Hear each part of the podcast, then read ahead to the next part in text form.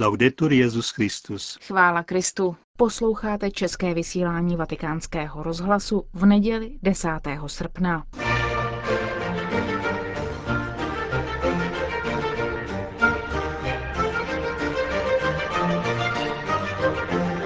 Smíšené pocity, to je název našeho dnešního komentáře, který připravila Johana Bronková.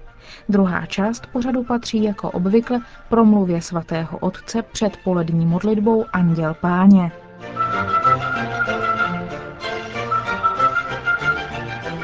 Hezký nedělní večer vám přejí Josef Koláček a Markéta Šindelářová.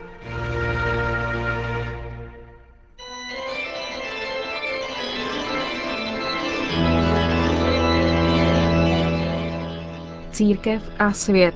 Náš nedělní komentář. Připravila Johana Bronková.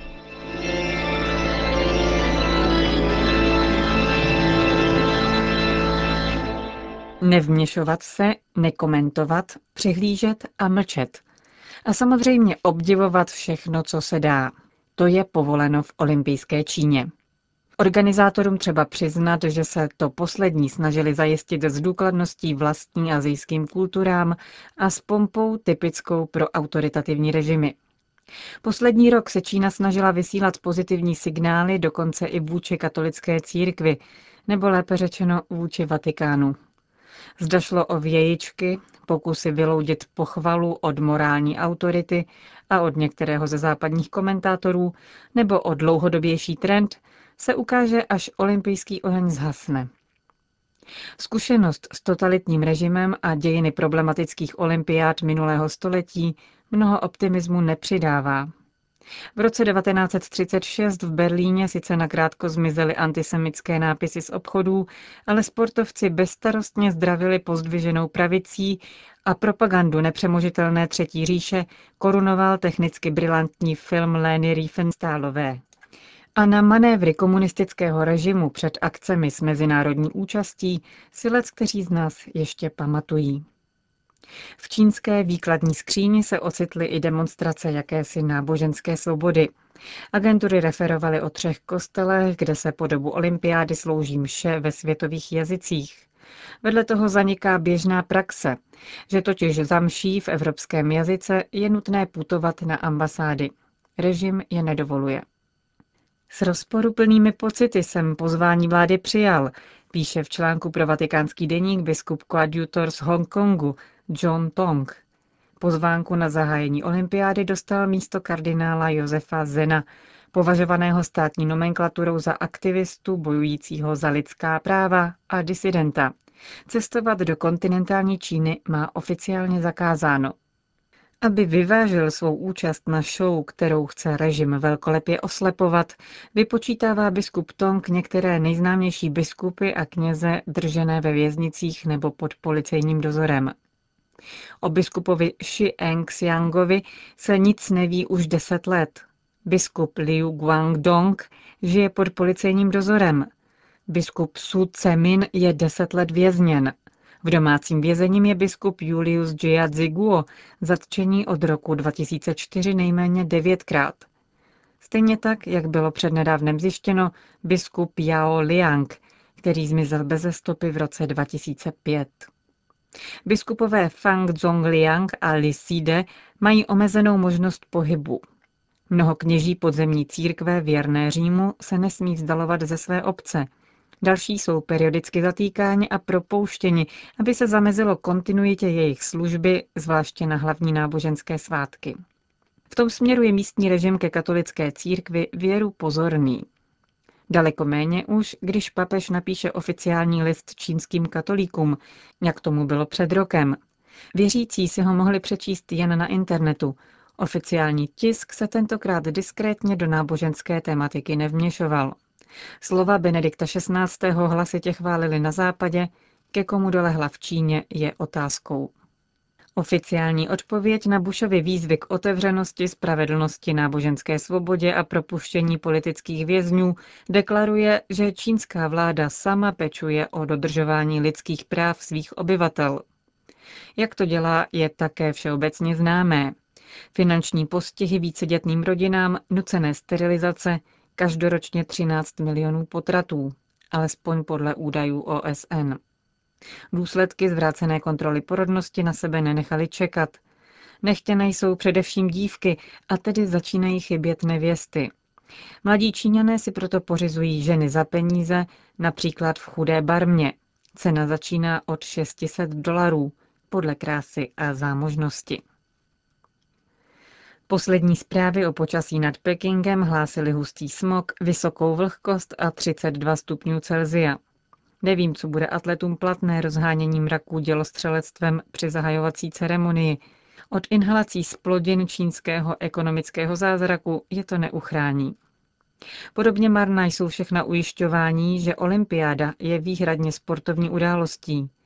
A to nechme nyní stranou, že právě hostitelská země se svým drastickým receptem na výrobu vrcholových atletů vyvrací všechny představy o zdravé soutěživosti. Když se tedy z tribun vedle sebe usmívají George Bush, Nicolas Sarkozy, Vladimír Putin, Sonja Gandhiová a další potentáti a svorně aplaudujíce triumfátorovi Hu Jintaovi vytěsňují všechno, co slyšeli o popravách bez soudu a represích bez důvodu, těžko je ubránit se pachuti. Pachuti něčeho, co tady už bylo.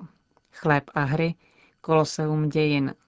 I my jsme přizváni jako diváci před stále stejnou obrazovkou někde v rohu pokoje, kde před pár dny vypovídali svědci nelidských podmínek v komunistických lágrech. Nemůžu si pomoct, ale v architektonicky zdařilém ptačím hnízdě olympijského stadionu nedokážu nevidět spletenec ostnatých drátů a místo hýřivé show v aréně mám před očima rozostřenou černobílou fotografii s uspořádanou řadou na zemi klečících vězňů, kterým pistolníci za zády míří na zátylek. Cirkusově předimenzované zahájení jako by bylo oslavou zbabilosti západu, který nakonec obětuje i svá až k modloslužbě zbožňovaná hesla o toleranci a lidských právech. Vždyť přece, kdyby se Bush nebo Sarkozy změnil v obyčejného Číňana a jel se vysvětlovat svoje názory, nepobyl by na svobodě ani hodinu. Aleksandr Solženicin, který se před týdnem odebral na věčnost, označil 20. století za století Mnichova, totiž krátkozraké zrady vlastních principů podle pravidla bližší košile než kabát. Tentokrát je ve hře božstvo upadajícího západního blahobytu, které si nesmí pohněvat molocha azijských trhů. Nezbývá než doufat, že ekonomické důvody zcela nezatemní rozum těch, kdo by měli moudře jednat jménem ostatních. A zatím Francie uctívá čínského prezidenta nasvícením Eiffelovky na rudo a všichni svorně nevidí, jak Čína zásobuje zbraněmi Afriku. Nedojde-li k výraznému obrácení k podstatnému a k řešení problémů tam, kde jsou, jak k tomu vyzývá papež Benedikt, může se stát, že příští století bude stoletím Pekingu s jeho dvojí tváří.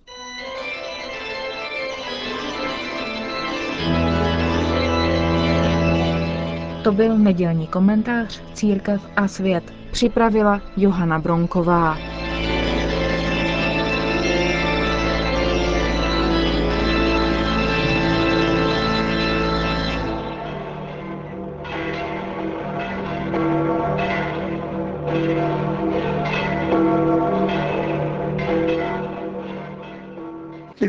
Und Schwestern, der heilige Markus erzählt einmal in seinem Evangelium, dass der Herr Milí bratři a sestry, svatý otec začíná svou polední pomluvu před modlitbou Anděl Páně, ovšem německy, a pokračoval. Svatý Marek jednou ve svém evangeliu vypravuje, že pán řekl svým učedníkům po dnech plných stresu. Pojďte na klidné místo a tam si trochu odpočiňte. Protože Kristovo slovo není řečeno jen pro tu chvíli, stál jsem tuto výzvu učedníkům také na sebe a přišel jsem do tohoto krásného a klidného místa, abych si trochu odpočinul a musím poděkovat biskupu Egerovi a jeho pomocníkům, celému městu Brixenu a regionu, že mi připravili toto tiché místo, na kterém si nyní už dva týdny mohu vydechnout, myslet na Boha a na lidi a tak sbírat nové síly. Pán Bůh zaplať. Měl bych děkovat mnoha jednotlivcům, ale udělám to jednodušeji. Doporučuji vás požehnání Boha On zná každého z vás jménem a jeho požehnání spočíne na každém jmenovitě. O to prosím z celého srdce a to má být můj dík vám všem. Evangelium dnešní neděle nás vede od tohoto bodu odpočinku opět do všedního života. Vypravuje o tom, jak pán jde po rozmnožení chleba nahoru, aby byl sám s otcem. Mezitím se učedníci na jezeře marně namáhají plout proti větru.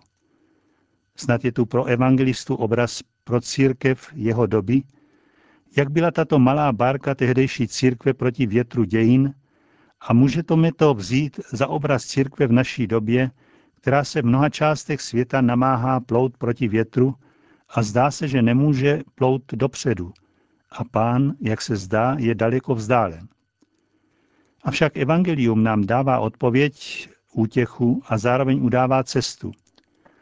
Říká nám, je to pravda, pán je u otce, ale kvůli tomu není daleko, nýbrž vidí každého, protože kdo je u Boha, neodchází pryč, nýbrž je blízko druhému. A když mu jde Petr po hladině vstříc a hrozí mu, že utone, pán ho vezme za ruku a bezpečně ho přivede do loďky. Pán podává ruku také nám znovu a znovu, dělá to skrze krásu neděle, dělá to skrze slavnostní liturgii, dělá to v modlitbě, s níž k němu přicházíme, dělá to v setkání s Božím slovem. Dělá to v rozmanitých situacích všedního života. Podává nám ruku. A my pak jdeme dobře a správně, když uchopíme ruku pána a dáme se od něho vést. Proto ho chceme prosit, abychom vždycky znovu nalézali jeho ruku a zároveň je v tom výzva, abychom v jeho jménu podávali ruku druhým, kteří to potřebují a převést je přes vody našich dějin. In questi giorni, cari amici, ho un po' ripensato anche all'esperienza vissuta a Sydney, ho incontrato i volti gioiosi di tanti ragazzi e V těchto dnech, drazí přátelé, jsem trochu promýšlel zkušenost, jakou jsme zažili v Sydney, pokračoval Benedikt XVI. italsky, kde jsem se setkal s radostnými tvářemi tolika chlapců a děvčat ze všech končin země. Ve velké metropoli mladého australského národa byli oni mladí znamením rizí radosti, někdy trochu hlučné, ale vždy míru milovné a kladné.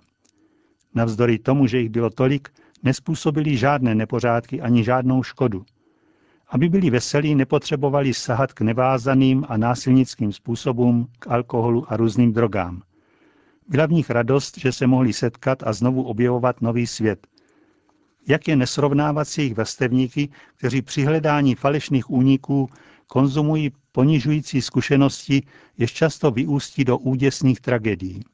Je to typický produkt současné tzv. společnosti blahobytu, která, aby zaplnila vnitřní prázdnotu a nudu, jež ji doprovází, vede k pokušení zažít něco nového, dráždivějšího a více extrémního.